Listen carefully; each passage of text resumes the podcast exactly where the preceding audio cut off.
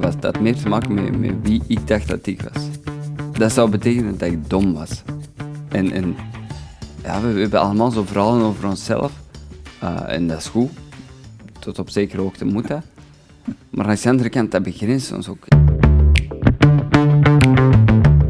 Hallo, ik ben Peter Perceval. Welkom bij Keerpunt. Een podcast over gewone mensen die buitengewone keuzes maken in hun leven. Mensen zoals u en ik die eh, uitdagingen, hindernissen ervaren in hun leven en vertellen over de buitengewone manier waarop ze daarmee zijn omgegaan. In deze podcast laten we die gewone mensen hun bijzondere verhaal vertellen, omdat het voor iedereen inspirerend kan zijn. In deze aflevering praten we met Jeroen Walravens. Jeroen is 21 wanneer hij een zwaar ongeval meemaakt. Hij valt namelijk op zijn hoofd en belandt in coma. Hoe dat gebeurd is, wat de aanleiding daartoe was, wat hij eruit geleerd heeft, wat er allemaal daarna gebeurde in zijn leven, dat hoor je in dit verhaal. Dag Jeroen. Echt Peter. Welkom.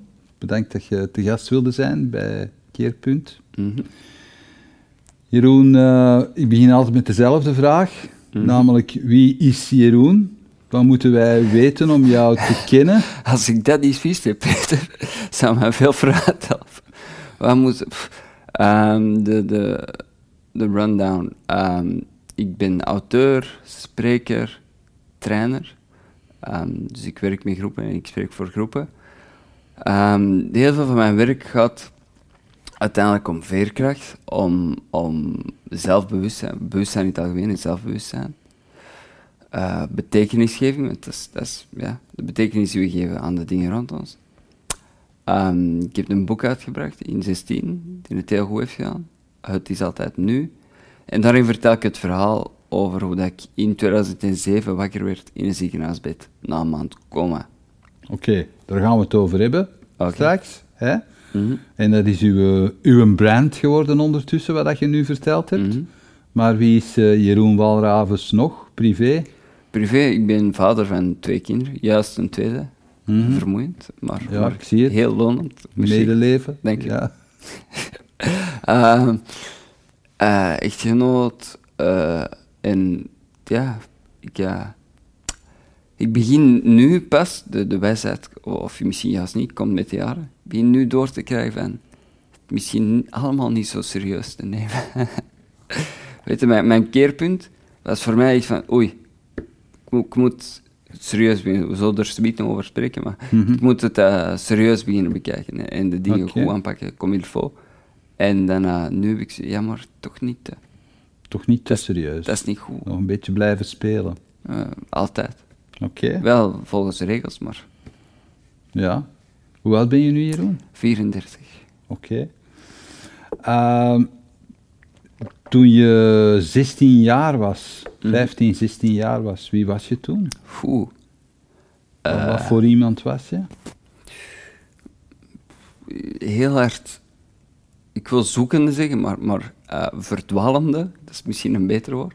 Ehm, en en ja, echt, echt nergens zo. En, en probeer maar nergens mijn, mijn plek vinden. Onderwijs, school. Ja, dat, dat is misschien dat speelse. Dat, dat lukte niet goed. Wat gebeurde er dan? Als je zegt, ik vond mijn plek niet? Ah, ja, op school, ik, ik heb dat altijd echt verschrikkelijk saai gevonden. Ehm, maar ik heb zo, vroeger kon ik dat, nu kan ik dat niet meer zo goed. Ehm, maar dan kon ik zo in paniek schieten voor eindexamens. Ah, ik heb nooit echt iets moeten doen tot die leeftijd, 15, 16. En dan schoot ik in paniek met eindexamens. En dan kon ik mij erdoor krijgen en ik goede punten. En dan was dat wat ik zou moeten doen geloofde ik en vertelde iedereen rond bij mij. Maar dat heeft eigenlijk nooit bij mij gepast, dus ik heb er heel hard op gebost altijd. En, Maar je had dan wel goede cijfers dan? ah, Als je zo... op het allerlaatste rapport, dan wel. ja. En dat is, een, dat is een stijgende lijn, hè, van, van drie naar acht is toek, stel omhoog. ja. Ehm, maar dan... Waarom, waarom deed je dat dan? Om de verwachtingen te temperen of zo? Eh, nee, omdat ik, omdat ik schrik had van dat blijven zitten, spook. Dat, wou ik echt niet meemaken. Dat, dat kon niet voor mij. En dan, eh, ja, dat, dat genereerde genoeg, genoeg schrik om, om dan toch die, die push te doen. Maar als je schrik had om te blijven zitten, was dat dan omdat je misschien je vrienden niet meer zou zien? Of, uh? Nee, dat, was, dat had meer te maken met, met wie ik dacht dat ik was. Dat zou betekenen dat ik dom was. En, en ja, we, we hebben allemaal zo verhalen over onszelf. Uh, en dat is goed. Tot op zekere hoogte moet dat. Maar aan de andere kant, dat begrenst ons ook enorm. Uh, en ja, dus, dus dat, dat lukte niet voor mij. Ik pas daar niet. En dan rond die leeftijd, eigenlijk, ik heb altijd zo'n beetje een bad boy gen gehad, een beetje. Zo op mijn, op 12 jaar sigaretten roken en die toestanden. In, in... Op 12 jaar maar? maar, ja, ik ben een laadbloeier. Ja. ja, in, in, ja, in de lagere school. Ja, zo had ik zo'n vriendje in, in het laatste, in het zesde jaar zeker. En die pikte sigaretten van zijn, van zijn stiefvader. En dan, en dan zo begon dat en altijd zo... Uh, uh, ik vond dat ook, ik vind dat altijd spannend, zo dingen doen die, die juist niet mogen, juist wel. Risico. Oké. Okay. Um, ik was er juist aan het denken, ik kwam met de fiets naartoe. En op die fiets... Um, ja, dat, dat, je klikt niet vast in die pedalen, zoals een koersfiets, zoals ja. toen wij zijn gaan fietsen. Ja. En het is die, die thrill, dat pff, overal tussendoor op dingen springen. Ah, ik ken dat nu niet zo fantastisch, maar ja. hup, hup, en dan oei, de auto zo op de, over de mer rijden bijvoorbeeld, vind ik, dat vind dat super plezant. Ik heb nog nooit iemand geraakt. Lieve luisteraars, geen zorgen. Komt goed. Um, maar ja, altijd zo die, die spanning, die thrill opgezocht. Ah ja. Um, en wat voor soort thrills zocht je dan op als 16-jarige? 16-jarige. Um, wel, dat is. Mm, ben aan het denken. Hè. Skateboarden was toen al voorbij, die periode. Dat deed en, je wel daarvoor? Ja, ja. Dus in, in het lager was dat, was dat met rollerblades. Ik was de allerkleinste in het eerste, denk ik, skatepark in België, Futopia, in Edegem. Mm -hmm. Dan zat ik op die allergrootste rampen, als, als, ik was echt het kleinste manneke van allemaal, met veel bescherming, je zag mij amper staan. En dan op die grootste ramp heel de dag, ik ging, ja, ik ging er elke dag naartoe, zo een paar, paar schoolvakanties lang. En dan, uh, ja, dan werd dat later skateboarden, breakdansen heeft ook de revue gepasseerd. En dan, ja, maar aan die leeftijd wist ik het echt niet meer goed. Maar je wilde nu wel heel erg manifesteren dan?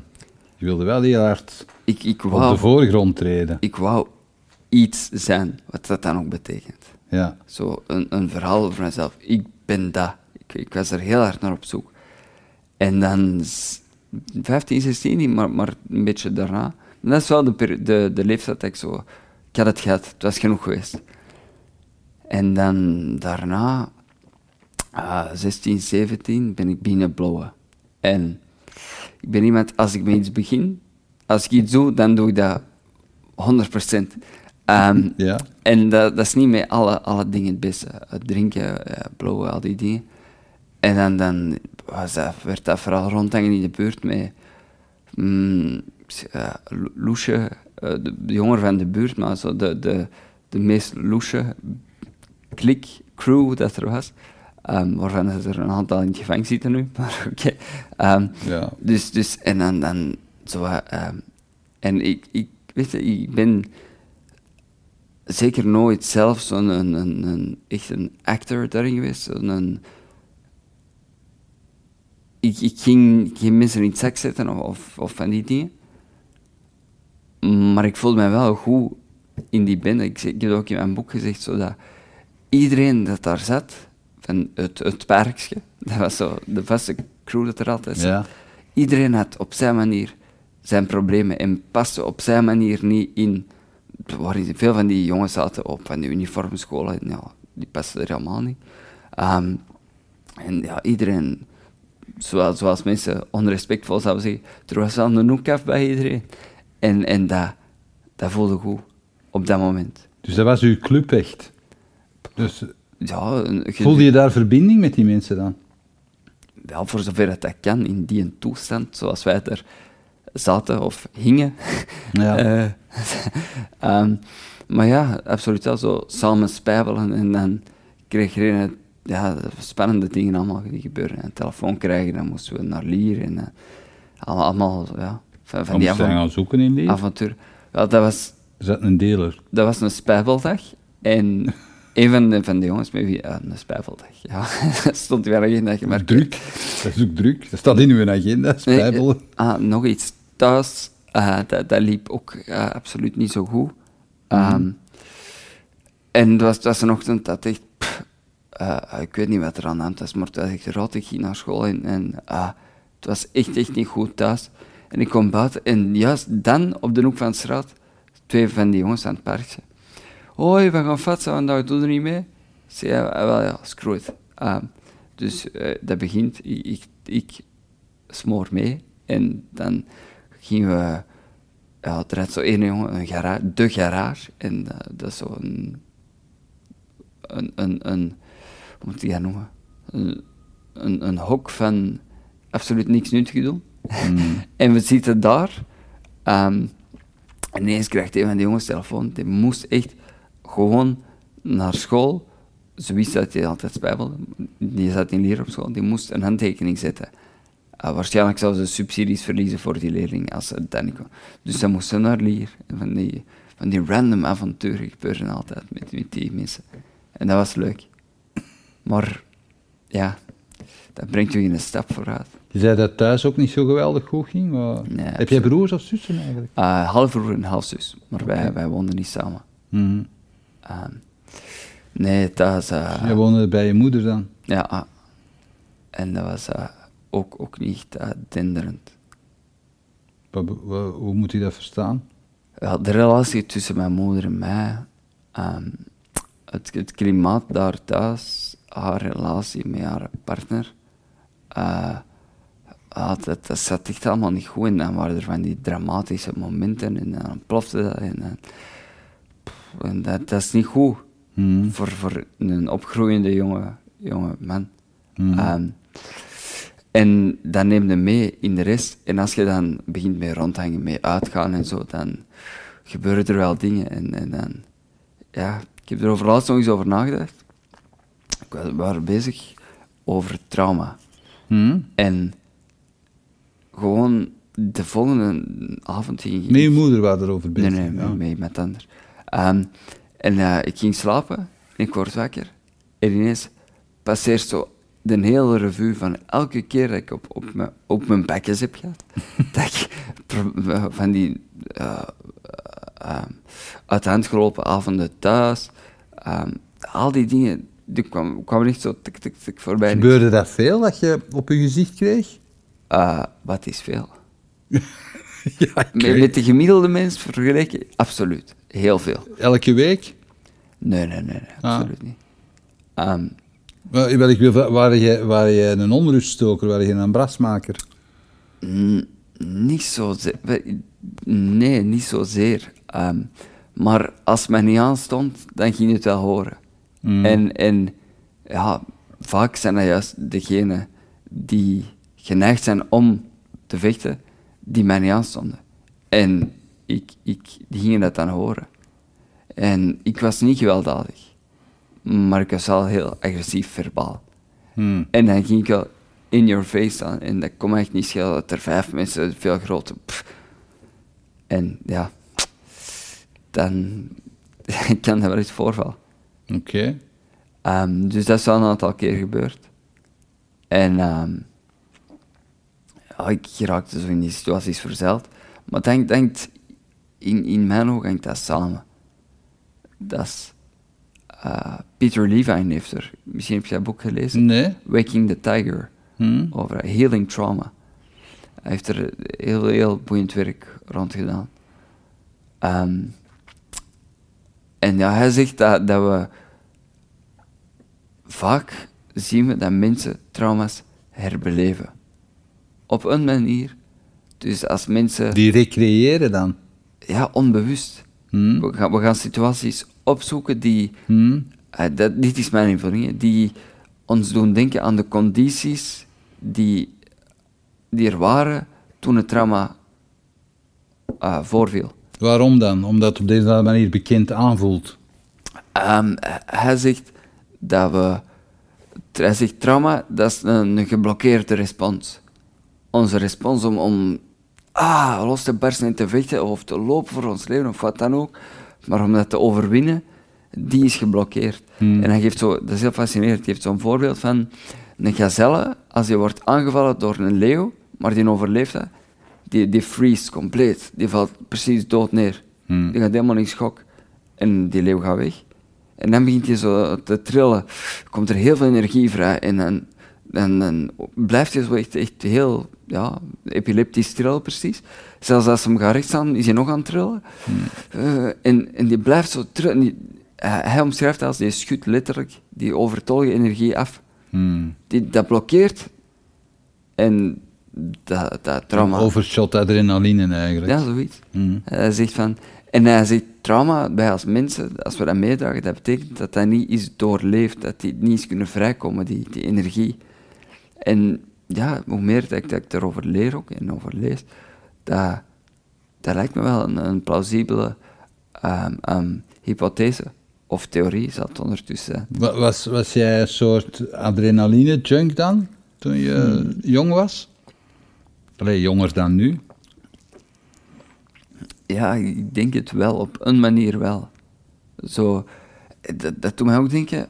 ehm, ja, ik, ik ben een van de mm, 100 miljoen eh, jongeren die is gediagnosticeerd met ADHD. Mhm. Wat gewoon een omschrijving is van symptomen. Attention deficit, te weinig aandacht, en, en hyperactivity. Ja, dat is geen, dat is geen disorder, dat is een omschrijving van symptomen, maar oké. Ehm, ja, dat is zoals kop- en braken stoornis. Nee, maar oké. Ehm, en in elk geval, een, van- een van de... Ja, ik, ik heb dat ergens gelezen, maar ik vergeet natuurlijk waar. En dat, ik vind dat ook niet zo belangrijk. Maar de, de laatste... ehm, wel, toen, toen ik dat las, was dat het laatste inzicht rond ADHD, is dat de hersenactiviteit van hyperactieve mensen, dat die ehm, standaard, bij default, dat die lager ligt. En dat die daarom altijd moeten, om dat, om dat op te krikken. Daarom dat ze ook relatine geven en dat werkt. Relatine is amfetamine. Een beetje chemisch getinkerd, maar dat is... Ik bedoel, en als je mij niet gelooft, mensen die, die dat niet kennen, niet, neem er vijf en je zult al voelen dat dat amfetamine is. Geloof me. Ken ook eh, mensen met ADHD die er een bloeiend handeltje in opgezet hadden. Ja, Dus dat is- absoluut. Dat is eh, bewijs genoeg voor de werking van die pillen. Mhm. Ehm, Maar dus ja, misschien wel dat ik dat, ik dat zocht, zo die, die, en, adrenaline. ja, die stimulans. Hmm. Ehm, ook ook dat, dat studeren, zo. ik kon elke dag, ja, zo elke dag, pff. maar ik kon wel in paniek schieten als, het- als het vijf voor twaalf was. En dat dan letterlijk op vijf minuten doen. Eh, en, en heel weinig slapen en koffie drinken. Ik dronk toen geen koffie, maar heel veel koffie en, en er gewoon... Maar ja, ik zou dat nu niet meer kunnen, denk ik. Maar als ik daaraan terugdenk, dat is echt wel een, eh, een krachtprestatie. Oké. Dan eh, gaan we eens naar uw keerpunt. Mijn Dat is ook een, eh, dat is ook een gevolg van uw bestaan als adrenaline-junk, als ik dat zo mag zeggen. Ja, dat mag je zeggen, Peter. De- ja, dus je, je, ja, ja, vertel eens eerst wat er juist gebeurd is. Jij bent, wat eh, er is gebeurd. Ehm, jij bent gevallen. ik ben gevallen, ja. Maar hoe kwam dat? Hoe kwam dat? Ehm, ik was langs balkons naar een open keukenraam aan het klimmen van het appartement waar ik op logeerde.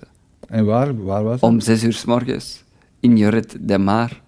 ehm, gegarandeerd eh, helemaal van de kaart. eh, onder de invloed van only God knows what. Was het zo erg, ja? Wist je... Wel, op dat moment wist ik dat, maar nu, ja, ik, ik, ik weet niet. De details van die avond weet ik niet meer.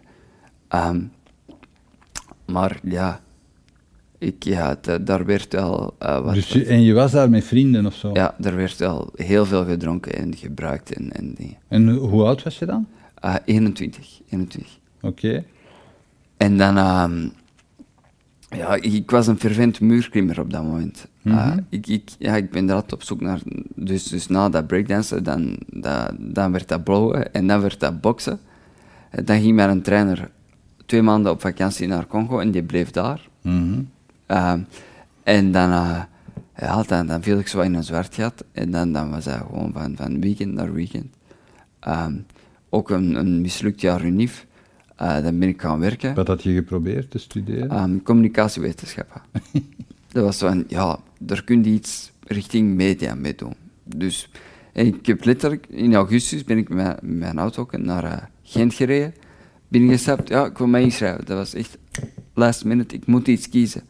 Dus dat is uh, niet, niet gebaseerd, dat is geen, geen sterke keuze. Ja.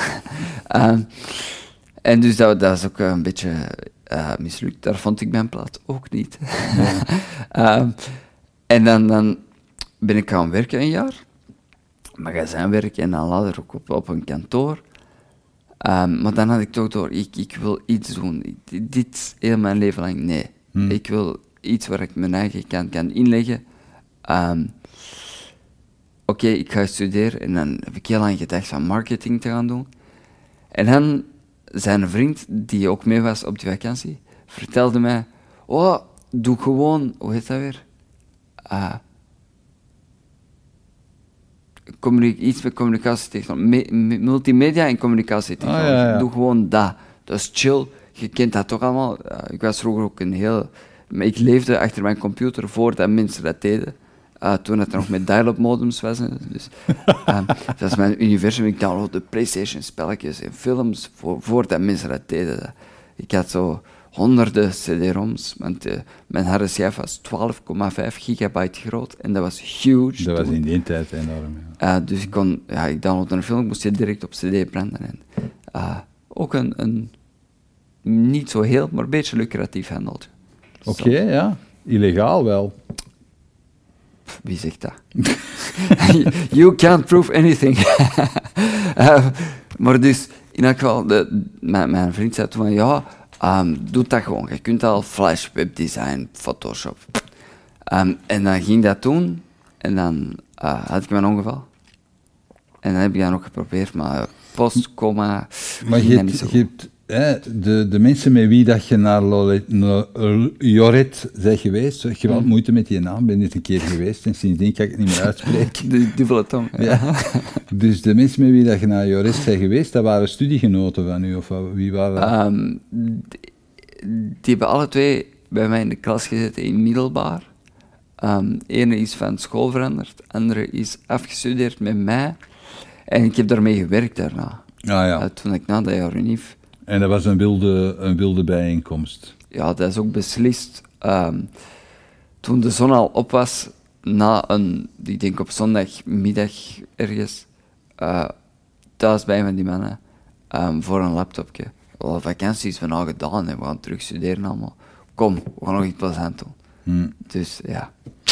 En dus, uh, hoe, uh, je, zei, je waart naar een, het balkon, naar een keuken aan het klimmen langs balkons. Ja, naar het, het keukenraam. Ons keukenraam stond open. Ja. En ik was een vervelend muurgrimmer. Dus. Maar had je, geen, had je geen sleutel dan? Ik hoop van niet, maar ik kan er geen zekerheid zeggen. Ik zal zeggen, ik was um, dus uh, breakdance box. En dan daarna, ik wou altijd iets fysiek uitlaatklep uh, gezocht ook. En dat was aan muurklimmen. En met een van die twee mannen ging ik echt heel veel muurklimmen. Drie, vier mhm. keer in de week. Um, en ik weet, we hadden ons schoentjes bij, wij gingen soms ook uh, s ochtends op die rotsen, op dat strand, zo, erin, er stonden wel zo rotsblokken en dan mm. gingen we daar bolderen en, en, ja, in die toestand, fantastisch. Uh, en dan, dan um, ik had dat in de gaten, je kon zo van het een balkon naar het andere, dus het, het, het huis en de, de buren zeg maar, je kon langs die balkons konden zo klimmen. Ik weet niet hoe uh, makkelijk dat was. Maar ik weet dat ik dat gedurende die vakantie, we hadden allemaal in de gaten, maar je doet dat niet. Want dat is gewoon een heel slecht idee. Hmm. Maar om zes uur s morgens is zo die, dat onderscheidingsvermogen van goed idee, slecht idee, dat zit niet helemaal in de haak. en dan, uh, oké, heb ik dat gedaan. En dat is niet helemaal goed afgelopen. Hoe hoog was je toen je viel? Iedereen stelt me die vraag en ik zou het niet weten. Nu, ik denk niet dat het uh, ver, ver, voorbij het eerste verdiep was, want ik ben echt plat, plat gevallen op, op een trottoir. En uh, het licht ging uit. En, en echt uh, uit, uit. U, u was ook wel op je hoofd gevallen? Ja, gewoon plat, mijn hoofd, echt zoals, zoals een ragdoll. Want had, eh, ik, ik had veel gedronken, dus dan zijn hun reflexen niet zo. Dus dat gewoon paf. En dan blijven liggen. Oké. En dan zijn die vrienden wakker geworden doordat de, de Guardia Nacional toet, toet, toet, toet, op die deur. Oh, oh, oh. Ehm, ik weet niet of ik dat moet vertellen. Snel die vriend een paar dingen door het wc spoelen. Ehm, oh, nee, snel, snel, weg, weg. En dan, eh, ja, kom eens mee naar het balkon. Wij zijn naar beneden. Ik lig daar in een plasje bloed. Ken jij die? Eh, ja. Maar je, je lag daar nog. Ik lag daar, ja. Wat, ze, nu, ze hadden u nog niet naar het hospitaal gebracht? Nee, de ambulance was onderweg. Oké. Ehm, en dan, ja, mijn, mijn vrienden hebben mij verteld dat eh, ik werd toen, zo ging naar beneden en ik werd juist op die brancard gelegd en mijn benen begonnen zo te trillen, zo, zo spastische trillen. Ik was volledig in coma en mijn benen begonnen zo te twitchen. En dan zo schoven ze mij in de ambulance en dan, eh, dan, dan zou het een maand duren, iets minder, voordat ik eh, terug, terug bij bewustzijn zou komen. Je, bent, je hebt dan in, in Spanje in het ziekenhuis gelegen Mhm. en dan ben je naar België getransporteerd. Ja, hebben ze mij Ben je, maar ben je ontwaakt uit je coma in, België, in Spanje? Nee, nee, niet bewust, nee. Oké. Ehm, ze hebben mij overgevlogen naar België. Welke verwondingen had je eigenlijk? Ehm, wel, die schedel was een beetje kapot. Ze hebben die ook moeten opensnijden om dat overtollige vocht en bloed weg te zagen. Mhm. Ehm, ik denk dat mijn schouder ook wat... Maar, maar vooral een hersenletsel. Dat is, dat is, ja, dat is echt... Als je daarover begint te lezen, en, en, dat is zoiets ingrijpend, alles veranderend. Ehm, ze, ze snappen dat nog altijd. En ze zeggen dat ook, ja, we kunnen dat niet 100% in kaart brengen, de hersenen, want die veranderen. Uh, sommige delen nemen andere functies over. Het is zo complex. En heel uw, uw ervaring van de realiteit gaat wel door dat onsnapbaar, onvatbaar orgaan. Dus ja, dat is, uh, Maar dat is something else. ja, je had dus hersenletsel. Dat wil zeggen dat je, dat je eh, eh, verlamd was ook? Of hoe moet ik mij dat voorstellen? Ja, wel, bij mij, wat dat als eh, gevolg had, was dat ehm, mijn, ehm, mijn, mijn linkerkant was daardoor eh, ehm, affected. Dus ja, in, in het begin, ehm, mijn vader heeft me er zo attent op gemaakt, maar dat, dat is ook iets vreemd. Je hebt dat niet door. Hmm. Dus je hoort wel, en je geheugen is slechter, je frustratietolerantie eh, is licht lager. Vermoed uit dat merk je, maar heel veel van die dingen merk je niet. Hmm. Dat zo, het, het oog kan zichzelf niet zien, dat is dat principe. Hmm. En dus, op, die verslagen staat wel geheugen, ruimtelijk inzicht, bla bla bla. Maar voor mij, als, als ervaring, is dat gewoon, de wereld wordt onvatbaar. Dat is echt, echt eng. Weet je, als, als je een gebouw binnenwandelt, je maakt automatisch een, een plattegrond. Je weet, hier is uitgang, ingang, hier is een snoepautomaat, wc enzovoort. En dat, dat gebeurt niet bij mij. Dat is nu nog altijd zo. Je hebt, je hebt geen ruimtelijk inzicht dan. Jawel, jawel dat, is, dat is al heel veel verbeterd. Mhm. Ehm, maar in het begin was ik was echt... poeh. zoals in een droom, waar, waar, waar alles... Zo, je kunt een deur open doen bij je thuis en ineens eh, in, een, in een casino in Las Vegas komen. Zo, zo de, de heel onvatbaar en onbetrouwbaar. Beangstigend ook. Ja. Ja. En, en dat, dus zo, zo was dat voor mij dan. En, en je, je korte termijn geheugen is aangetast. Dus je gaat dingen misplacen. Je gaat dingen niet meer terugvinden. Voor mij leek dat dingen verdwenen. Huh? Ik had daar juist, ik had er juist een aansteker. hè. En ook kwaad worden op andere mensen. Waar heb jij met een aansteker? Ah, nee, dat niet zozeer. Wel voor andere reden. Kwaad worden op mensen. Dat is die frustratietolerantie. En ja, dat, is, dat, dat werd echt... Maar dat, dat maakt je een, een heel stuk onmachtig. Uh, ik denk, je, dat is, wat dat je nu beschrijft, dat is hoe dat je geworden was na je revalidatie. Want ik veronderstel dat je heel lang hebt moeten revalideren ook. Mm. Zoals ik het nu beschrijf, dat is tijdens de revalidatie. Maar dat, dat ebt heel traag uit. En ik, ik weet niet zozeer of de... Ik denk dat het allebei is. Dus de gevolgen worden minder. En uw manier om daarmee te kopen, uw vermogen om daarmee om te gaan, uh, uh, vermeerdert. Ja. Dus die, die twee lopen zo samen. Um, en dat was dus vooral in de revalidatie. En dan daarna... Ik, ik ben ook een ongelooflijke koppengaard. Um, en in zo'n situatie noemen ze u een doorzetter. Dan is dat moedig. Maar op school lag dat anders, die, dat oordeel. Um, dus ik, ik zei, ik ging die multimedia doen, dus ik ga dat doen. Dus direct toen ik uit, ontslagen werd uit uh, het revalidatiecentrum. Hoe lang was dat daarna?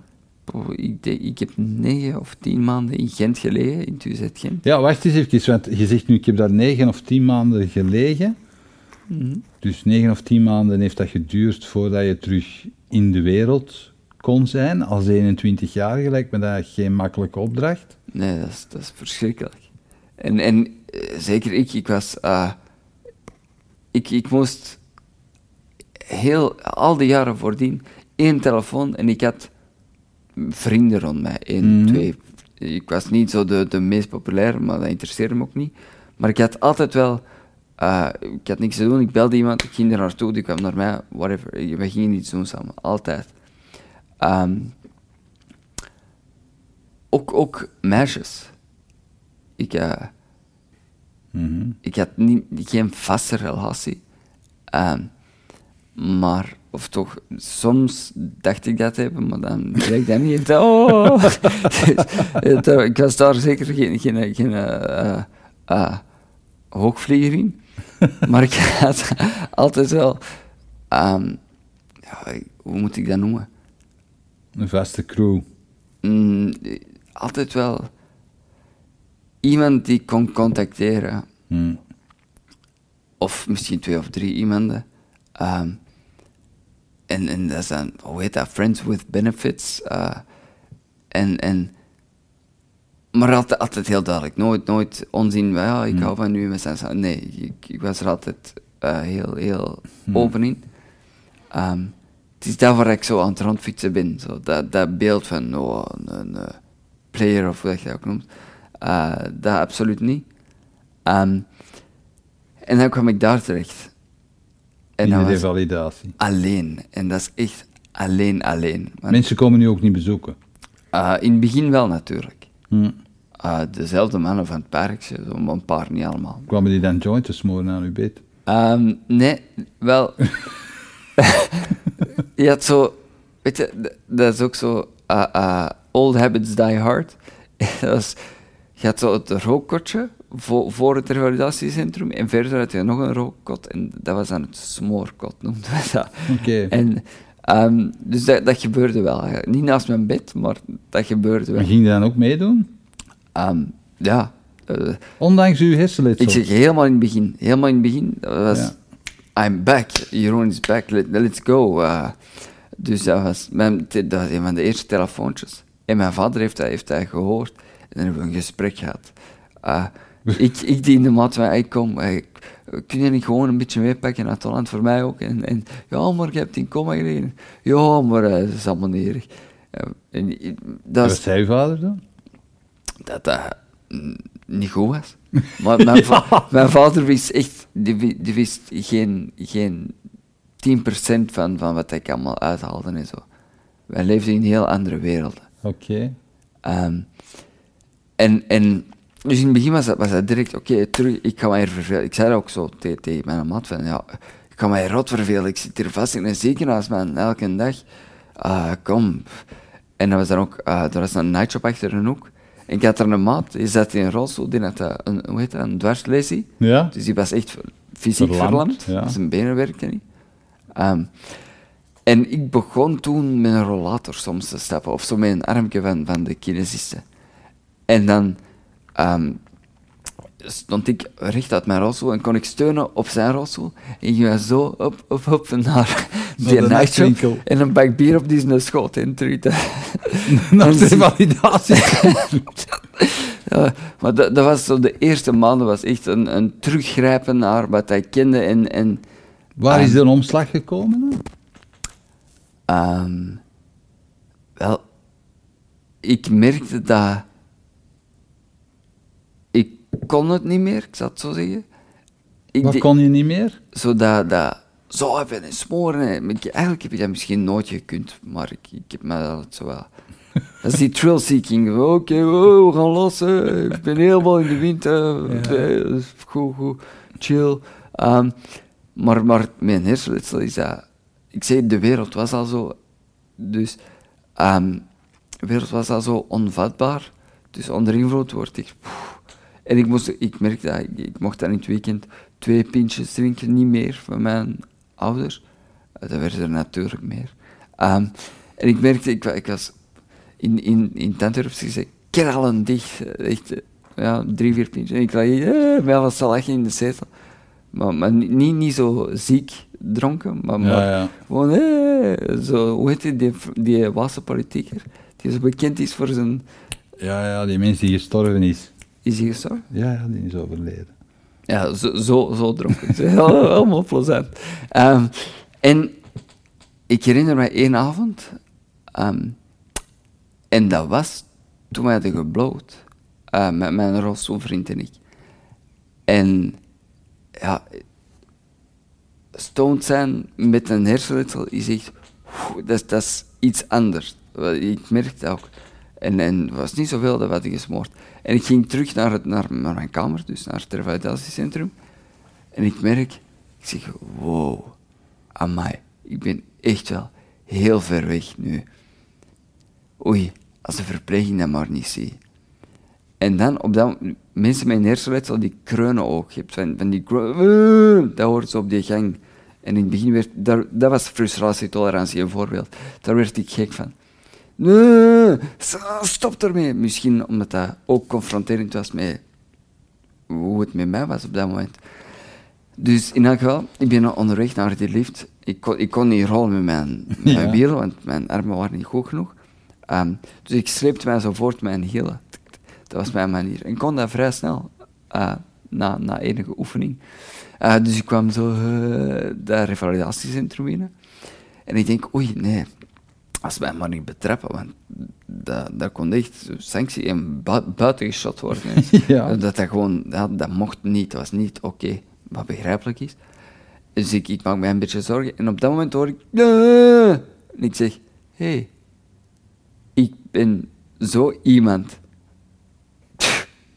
Ik, ik zie er toch niet al te fris uit, dus nee, ik moet me geen zorgen maken. Dus ik ga naar mijn bed. En eh, dat, is, dat is een heel raar, eh, eh, ehm, paradoxaal iets aan, aan wiet. Je kunt daar soms heel diepzinnig en, en gewoon zien wat je moet zien.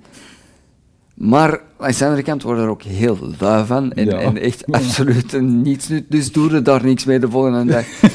ik heb, in, in het major heb ik bijna elke avond beslist dat ik nu nooit meer ging blowen. elke avond opnieuw. En dus in elk geval, ik lig in mijn bed en eh, ik, ik begin te denken en ik zeg, ja maar, oké, kijk, ik heb een hersenletsel. Dat, dat kan ik nu niet meer ontkennen. Dat wordt me nu echt wel duidelijk. Wiet, alcohol, dat is niet goed voor je hersenen, hè? Dus misschien moet ik daar even mee kappen, ehm, tot ik beter ben. Wat niet bestaat, maar oké. En Je dan- besefte op dat moment dat beter niet meer, niet meer erin Nee, zat voor u? Nee, dat, dat besefte ik. Ik dacht gewoon tot ik, ben, ik dacht binnen vier maanden of zo ben ik terug de oude. Ja. Ehm, en, maar dit is niet zo dat dat een, een, een, een voornemen was dat niet is uitgekomen dat ik heb opgegeven. Het is zo, kijk, als, als je dus je leven, je valt Mhm. en mensen denken, je herstel is terugkeren naar dat punt en verder gaan op diezelfde lijn. Mhm. Maar ik zit zo En dat lukte niet, dat lukte niet. Dan ben ik gewoon aan het daar gegaan. Dat was veel mooier. Dus ik heb iets, echt letterlijk iets anders... Dat is de Matrix. Echt iets anders gekozen. Zo. Terug naar het leven zoals ik... Nee. Nee, ik, dat werkte niet voor mij, dat leven. Maar die beslissing om te zeggen, ik ga iets anders doen dan, die was wel heel bewust. Die is geleidelijk ook gekomen. Mhm. Ehm, ook heel hard, dat is, dat is negen maanden of tien maanden in zo'n reval. Daar is niks te doen. Hè. Er is geen afleiding. De computer, maar die gaat zo traag, man. en ik, ik kon ook, ook zo, ik, ik, was, nou, ik, ik ging rond met mensen. Ik had altijd, ik was sociaal en lachen en plezante dingen.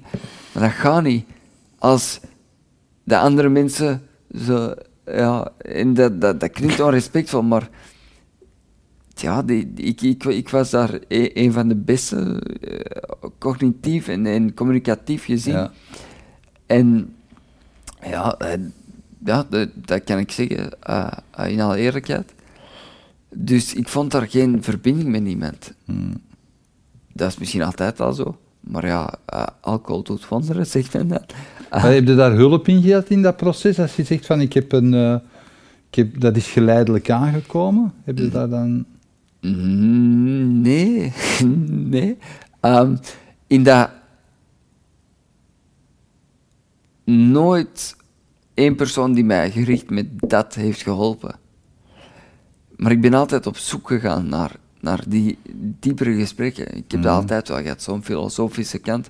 En altijd zo, wat, wat betekent dit? En, en altijd, altijd eh, de zingeving, hoe, hoe werken de dingen? En, en, en dan later zou ik eh, tot de conclusie komen dat dat zijn dingen waar iedereen mee worstelt. Ik misschien op jongere leeftijd en misschien een beetje intenser, maar dat zijn, dat zijn processen die we allemaal doorgaan. Eh, eh, betekenis geven aan ons leven, aan onszelf. Ehm, onze communicatie, onze manier bewust worden van onze communicatie, bewust worden van hoe dat we omgaan met dit ene leven en menselijk lichaam dat we hebben gekregen. Ehm, want hoe ik omging met communicatie was, ik wil dat, geef mij dat, doe dat. Nee, fuck you, dat was zo'n beetje mijn, mijn, mijn eh, gamma van communicatie. En, en ik kon dat leuk doen en lief, maar als ik het niet kreeg, was het wel een middenvinger. Dat is weer de frustratietolerantie die daar eh, naar boven kwam. Eh, je, je zegt dat is, dat is een, een, een langzaam proces geweest. Ehm, als je daaruit bent gekomen na tien maanden, wat, wat was dan de grootste verandering eigenlijk? de, de, de grootste zichtbare verandering was, eh, ik denk, dat was al voor nieuwjaar 2008 geweest zijn. Eh, sindsdien heb ik niks meer eh, illegaal gerookt Ehm, en niks meer gedronken. Dus dat, en dat, dat verandert echt, echt heel veel. Ook al drink je niet veel, is dat gewoon uw, uw bubbels of uw, uw, uw rode wijn. Dat verandert de kwaliteit van je slaap. En dat, dat is, ja... En Ik, ik wil hier niet zitten preken, mensen moeten doen wat ze willen daarmee. Maar dat, dat is echt... Ook omdat alcohol, we doen dat voor een reden. Dat neemt een plaats in. Ik merkte dat... Drugs ook. Hm? Drugs ook. Ja, absoluut. Dus Welke Maar- plaats neemt dat in? bijvoorbeeld, als je op een receptie komt... Glaasje kava, meneer? Ik heb dat werk ooit gedaan. Ik heb, ben, ben eh, even kelner geweest ook, na mijn revalidatie. Ehm, en dat is zo normaal. Dat is zo... Dat dient om, om onze eh, sociale angsten weg te... Het, het grote voordeel van alcohol, misschien enige, is dat is een angstremmer. En dat kan ook een nadeel worden als te veel geremd wordt. Die, ja, alle remmen los. Ja, misschien toch een paar houden jij. maar oké. Ehm, dus dat, dat, is, dat is het grote punt van alcohol. Waarom dat, dat op allemaal sociale dingen wordt gebruikt, is dat, dan voelen we ons... Ik, ik noem het, maar dat, dat is misschien projectie van mezelf, ik noem het, we zijn dan niet meer beschaamd om onszelf te zijn. En dan, dan gaan we zingen en, en En hoe heb je dan die, die schaamte om jezelf te zijn opgelost daarna? Hmm, dat, is, dat is een lang proces. En ik denk. ehm, ja, weet ik, ik, ik, begon, ik begon dat door te krijgen van, waar, waarom doe ik dat eigenlijk? Ik zei, ik ga vier maanden stoppen en dan, dan ga ik... Ja, dat was echt iets wat ik tegen mezelf zei toen. Max vier pintjes en nog een jointje onderweg naar huis. Dat, dat was mijn voornemen. En dan, na, na een tijdje zeg ik, ja, nee, heb ik daar letterlijk afstand van genomen en gezegd, nee, dat, dat heeft nooit echt iets voor mij gedaan, die dingen. Ehm, maar dan begon ik er ook over na te denken, ja, maar waarom, waarom eigenlijk? Waarom is dat zo, zo uh, uh, verwoven met mijn functie, met mijn handel en wandel? Ja. En dat is enerzijds voor, voor het sociale, maar ook omgaan met frustraties. En, en de wereld is echt een frustrerende plek. Ja. Echt wel. Ehm, en, en dat, kan, dat kan boosheid of droefheid of wat dan ook uh, veroorzaken, of onzekerheid, wat dan ook. Maar alcohol is echt zo'n een, een cancel of control-z voor, voor al die emoties.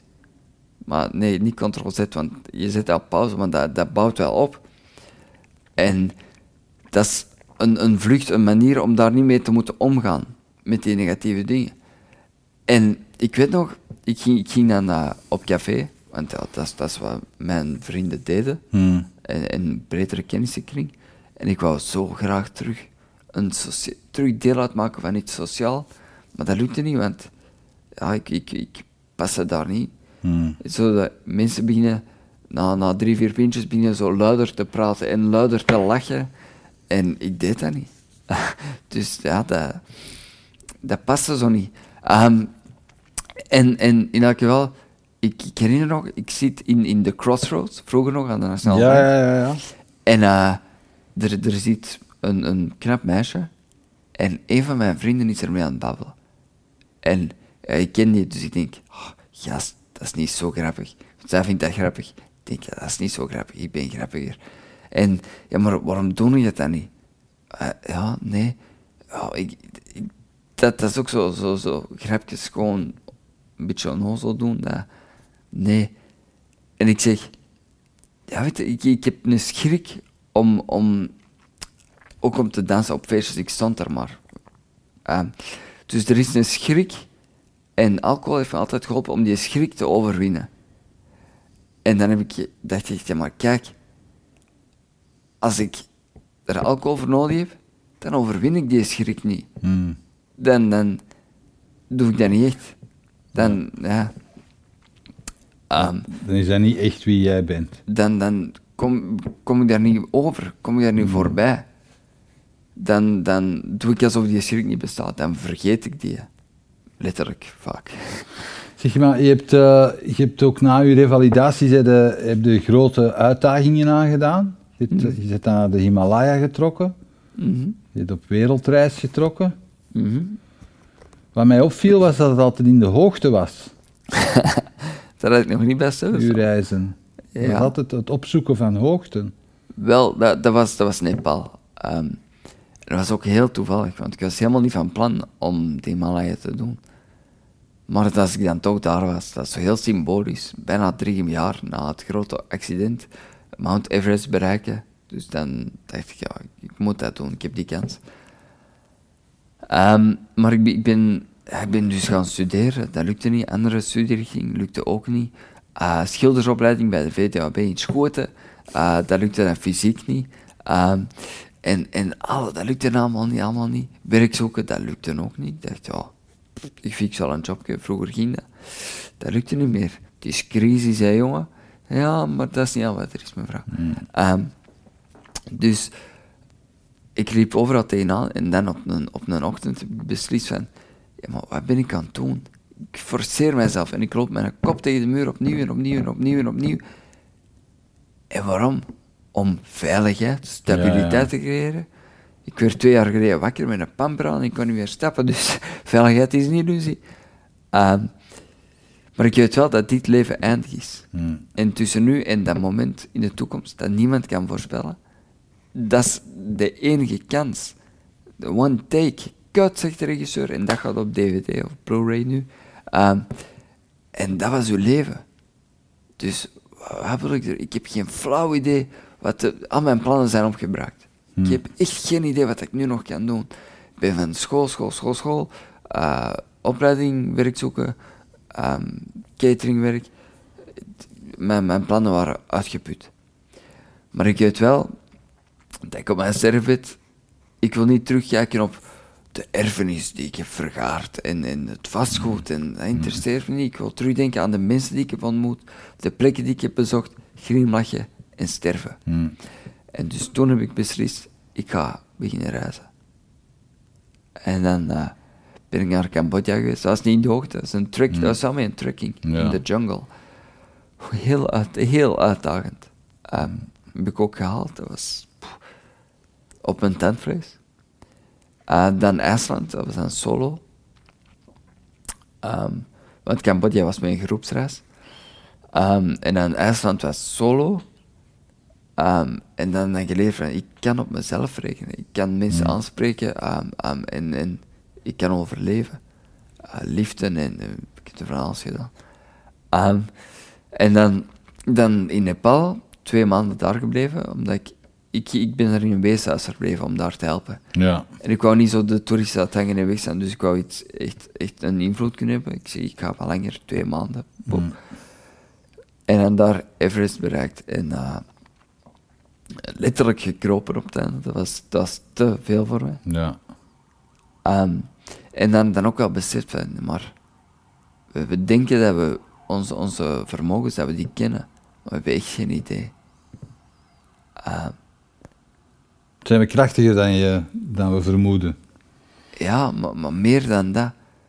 Um, want als je zegt, ik ben krachtiger, dan gaat je zeggen, wat zou ik willen, maar kan ik nu niet. Of echt, ik acht mezelf niet in staat mm. om dat te doen. Oké, en dan, dan komen we in die Amerikaanse motivational, ja. come on.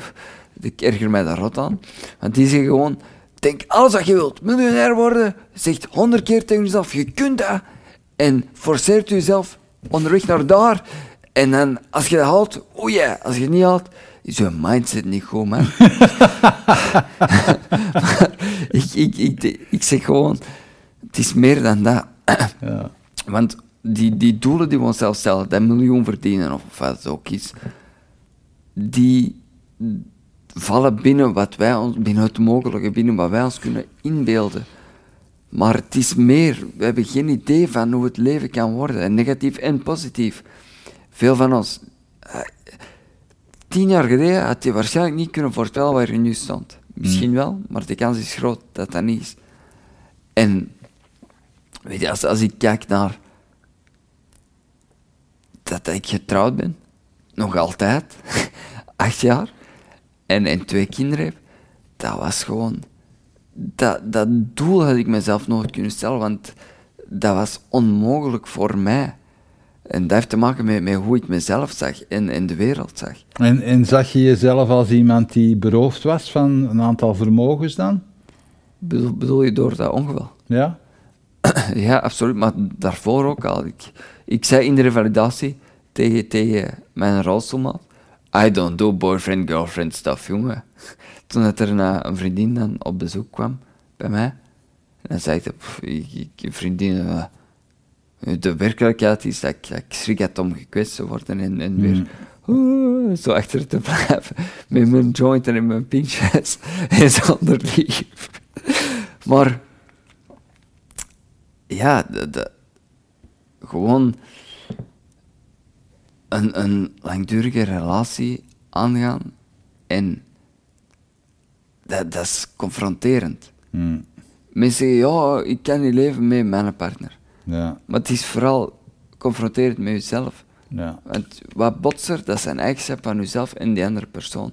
Hmm. Dus dat dat is een, en dan samen door het proces gaan om, om en op zoek te blijven, dat is echt niet makkelijk. Ja. Uh, kijk naar de scheidingsstatistieken. dus gewoon die die realiteit had ik me nooit kunnen inbeelden. En dat, dus om terug te gaan naar, naar Tongwel, mijn spraak was heel beperkt. Hmm. Uh, nog tot, tot vijf jaar geleden. Mijn vrouw zegt ook, die heeft mij nooit gekend voor mijn ongeval. Ik heb haar in Colombia leren kennen. Um, zij is Colombiaanse ook. En ze zei, maar als ik u nu zie, gewoon, ik ben met de fiets naar hier gekomen. Dat was ondenkbaar. Echt ondenkbaar.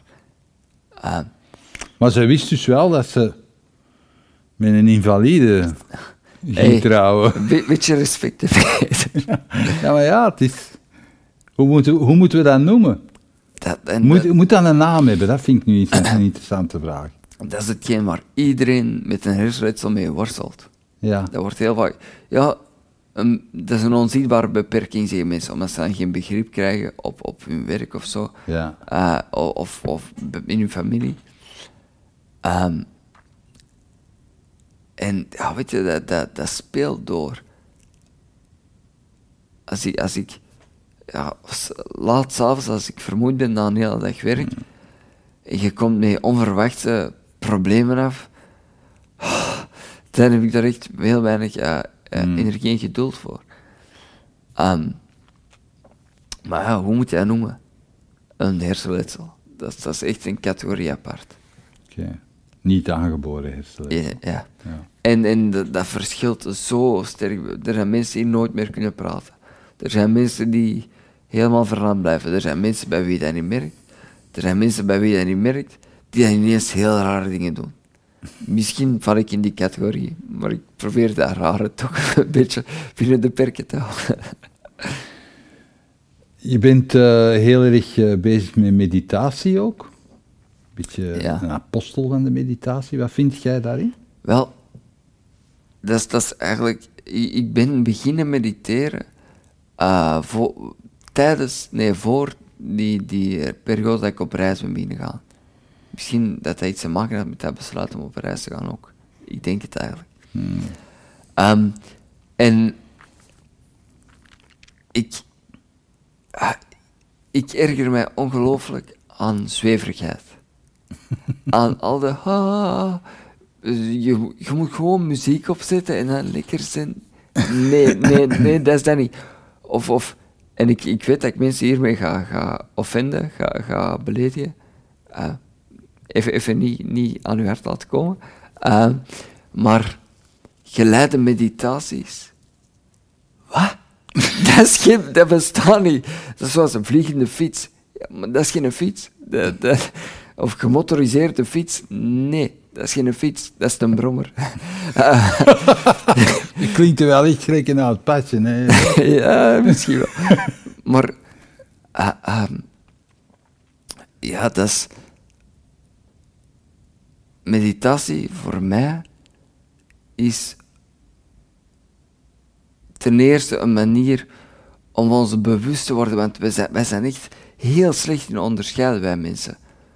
Ehm, je hebt een slechte dag. Of je voelt je niet goed bij die persoon. Mhm. Dat is iets met die persoon. Zo, we, we, we, we vermengen ons, ons gevoel met onze, omschrijf, on- onze omschrijving, onze interpretatie van dingen. En, en dat is echt heel, heel, dat is een levenswerk om daar onderscheid in te vinden. Maar zo, En dat zoek je in meditatie. dat is iets wat meditatie teweeg brengt. Mhm. Daar word je beter in. Ehm, wel, dat is maar een van de vele dingen. En, en wacht, ik ben mijn gedachten even kwijt. Ehm, Dat je zei, zo, zo dat, dat- wij, wij vermengen ons gevoel heel dikwijls met ons, onze Ja, en- vooroordelen eigenlijk. En dat is iets, ja, dat is iets waar ik, waar ik deze, deze morgen nog over heb zitten schrijven. In, in onze samenleving, in Vlaanderen zijn we daar echt fantastisch in.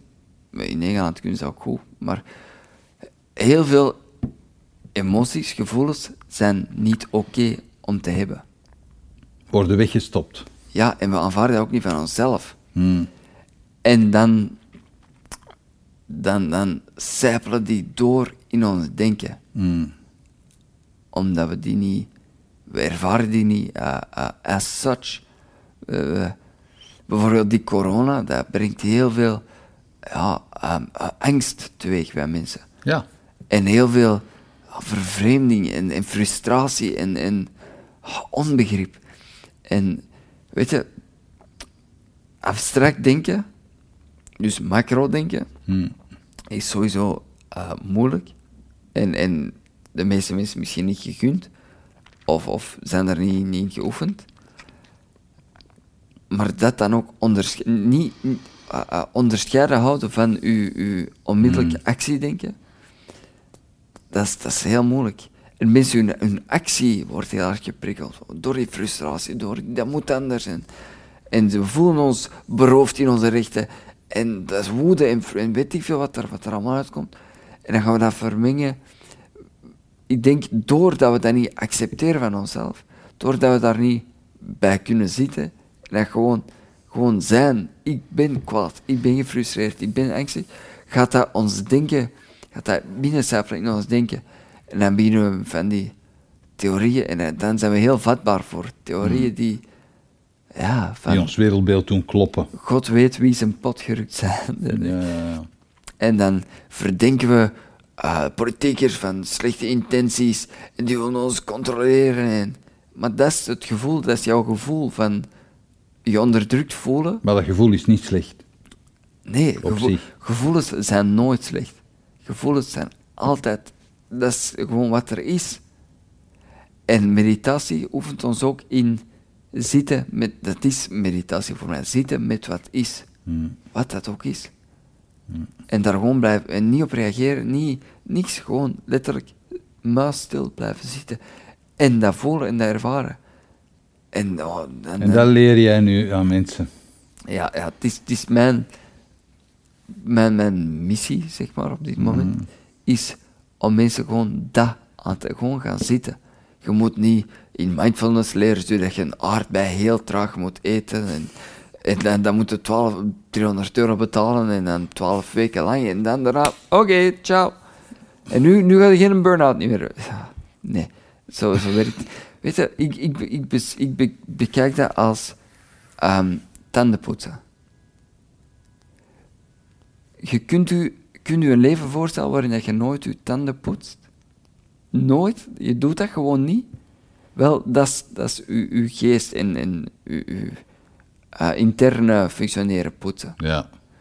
En dat is niet even, ah, lekker zijn. Je kunt je lekker zijn voelen, maar dat is het punt niet. Dat kan gebeuren. Dat kan ook. Ik heb wel heel veel, heel ongeduldig. Oh, oh, oh. Wel, nee, niet zo, maar met heel veel ongeduld. Het daar is meer naar het toilet gaan. Dus, ehm, dat, dat is het punt niet om, om je lekker zen te voelen enzovoort, maar het is dat dagelijks, het is een manier van zijn met, met wat er allemaal in u omgaat. En dat is onbewogen, als een rots, letterlijk. Gewoon daar zitten. En dat traint uw hersenen om, weet je, we hebben zoveel actieimpulsen. Woede, dat is gericht op actie. Frustratie, ongeduld. Oh nee, shit, ik ben net vergeten. Ik moet nog een decor uit. Dat, dat, is- dat is allemaal bedoeld om u in gang te steken. Ja. En daar blijven blijven zitten, dat traint, je kunt dat ook zien op hersenscans, uw, uw prefrontale cortex, het deel dat, dat eh, samenhangt met onze zelfcontrole en, en hogere, hogere functies, Hmm. Dat wordt groter bij meditators. Dus letterlijk, je hersenen veranderen. Dat is die plasticiteit waar ik het er juist over had. Ja. Onze hersenen zijn maakbaar, zijn vormbaar. En dat verandert heel je wereld. Als, als je daar anders mee omgaat. Dat is wel een dagelijkse training. Je zegt ook Hoe niet, dikwijls oh, doe je dat zelf? in principe elke dag. Oké. Ehm, je zegt ook niet, oh, mijn tanden zijn wit, ik moet dat niet doen. Ik, ik voel me helemaal parelwit. Ja, nee, dat, dat, dat gaat niet. Dat is, dat is iets dat je onderhoudt, of zoals spieren, dat atrofieert. En om het met een training te vergelijken, de beste atleten, die trainen nog altijd, no- nog meer dan toen ze begonnen. Wat zijn zo uw grote lessen die je geleerd hebt uit uw keerpunt? Uit heel die episodes? van, ja, ten eerste, dat we, we hebben geen idee van de toekomst. De toekomst is een vraagteken. En dat is beangstigend en lastig, moeilijk werkbaar. Maar dat, le- dat leren omarmen. En dat hangt, heel sterk samen met een, een aanvaarden van jezelf. En niet jezelf pushen, pushen, pushen altijd, waar we Mhm. ook heel goed in zijn hier. Ehm, in onszelf pushen. Ehm, en, en ook niet altijd kritisch zijn voor jezelf. Wel een beetje, maar niet altijd. Mm. Eh, maar, weet je, ik denk je kunt kritisch zijn voor, voor je acties, maar niet voor, voor wie je bent. Mm. En dat is, dat is een fijne lijn soms, maar dat is echt heel belangrijk. En die gevoelens, wat ik eruit zei, alle gevoelens zijn nooit verkeerd. Dat is een manifestatie van je zijn. Mm. En kijk, als, als jij nu iets zegt en ik voel daar een woede opwellen, dat is niks, echt helemaal niks verkeerd mee. Maar als ik dan zeg, Peter, ik ga nu kop eraf snijden, dat begint al een grijze zone te worden. Als ik u dan ook aanval, dat is gewoon... En, en het is dat, om, om terug te keren naar die, die hersendingen, uw prefrontale cortex, dat is op dat moment uw, het, het orgaan of het deel van uw brein dat zegt, ah, woede. Maar nee, ik ga Peter zijn kop er niet afsnijden. Ik kan dat zelfs niet zeggen tegen hem. Oké. Als je nu je eigen terug zou tegenkomen, hè, als 16-jarige, met wie dat je nu bent, 34, met twee kinderen en een vrouw, Mhm. wat zou je dan tegen u, tegen uzelf zeggen als 16-jarige? Dat is moeilijk. Want ik denk, wat ik toen nodig had, was ah, ondersteuning, ja, een, een soort mentorschap, plus een, een veilige thuis. En daar ook mij veilig voelen en ondersteund voelen. En ja, is, ik zou zeggen, maak u geen zorgen. En misschien, want weet je, ik heb, ik heb heel, heel lang, ik wou woorddrama, dat wou ik doen toen ik 14 was. Dat was niet oké. Je moet, als je zo doen, en dan je twee laatste jaren, dan moet je dat doen. Ja. Dan heb je een basis. Maar sorry, na, na het vierde middelbaar was ik dat zo spuugzat, was ik zo schoolmoe, kon mij eigenlijk echt niet bommen. Ehm, en dat is trouwens ook toen dat ik ben beginnen blauwen, dus Ja. het kon mij echt niet meer bommen.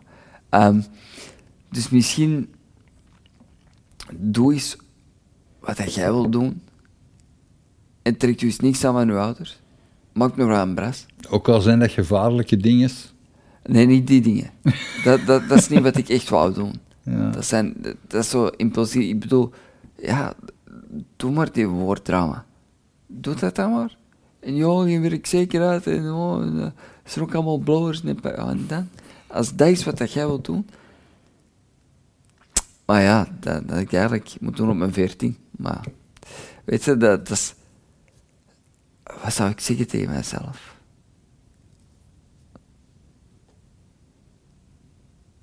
Het is oké. En, en dat is misschien mijn, ja, mijn, mijn grootste boodschap. En dat is ook wat we leren door meditatie, dat het is oké. Je zit hier. En ik weet, ik weet dat heel veel situaties echt rot zijn en pijn doen en wat dan. Maar dat is oké. En dat is, dat is heel lastig om te horen als je daarin zit, in die draaikolk van miserie. Maar ook dat is oké. Oké. Zo een... een oké zijn met jezelf is, is gewoon de...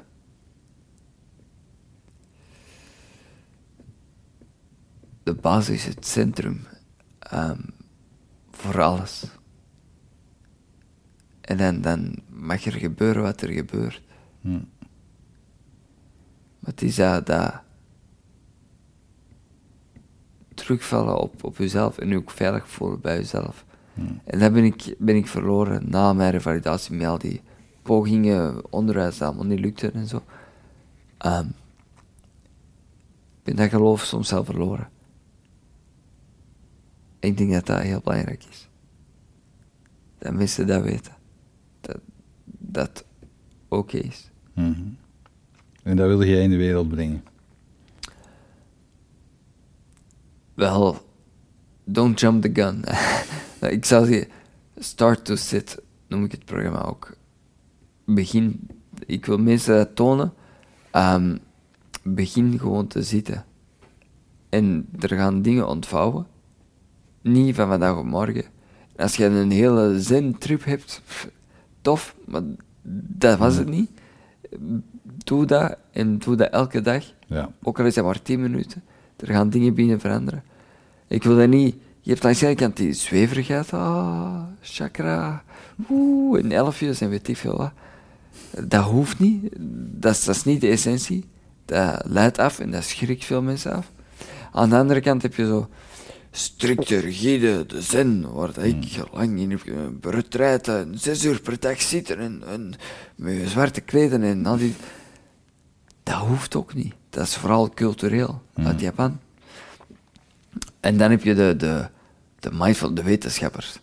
Die denken, die, die steken mensen, monniken in een hersenscan en die zien van alles. En, en die maken het dan echt een, een, een voorschrift, een klinisch voorschrift. Dat is ook misschien wel Amerikaans. Exercise daily. Zo, ja, eh, eh, maar ik, ik wil het echt heel eenvoudig. Het is heel eenvoudig. Oké. Het eenvoudigste wat er is. Niet gaan zweven, gewoon gaan zitten. Oké. Start to sit. Het was aangenaam om een uurtje met jou te zitten. Insgelijks. En eh, veel plezier nog Alright. in het leven. Merci Peter. Jij ook. Bedankt dat je keek naar deze aflevering van Keerpunt. Wil je op de hoogte blijven van nieuwe afleveringen en nieuwe interessante gasten? Abonneer je dan op onze nieuwsbrief via www.inspiringspeech.be. Iedere twee weken brengen wij een nieuwe aflevering online op inspiringspeech.be, YouTube, Vimeo en Soundcloud. Tot ziens.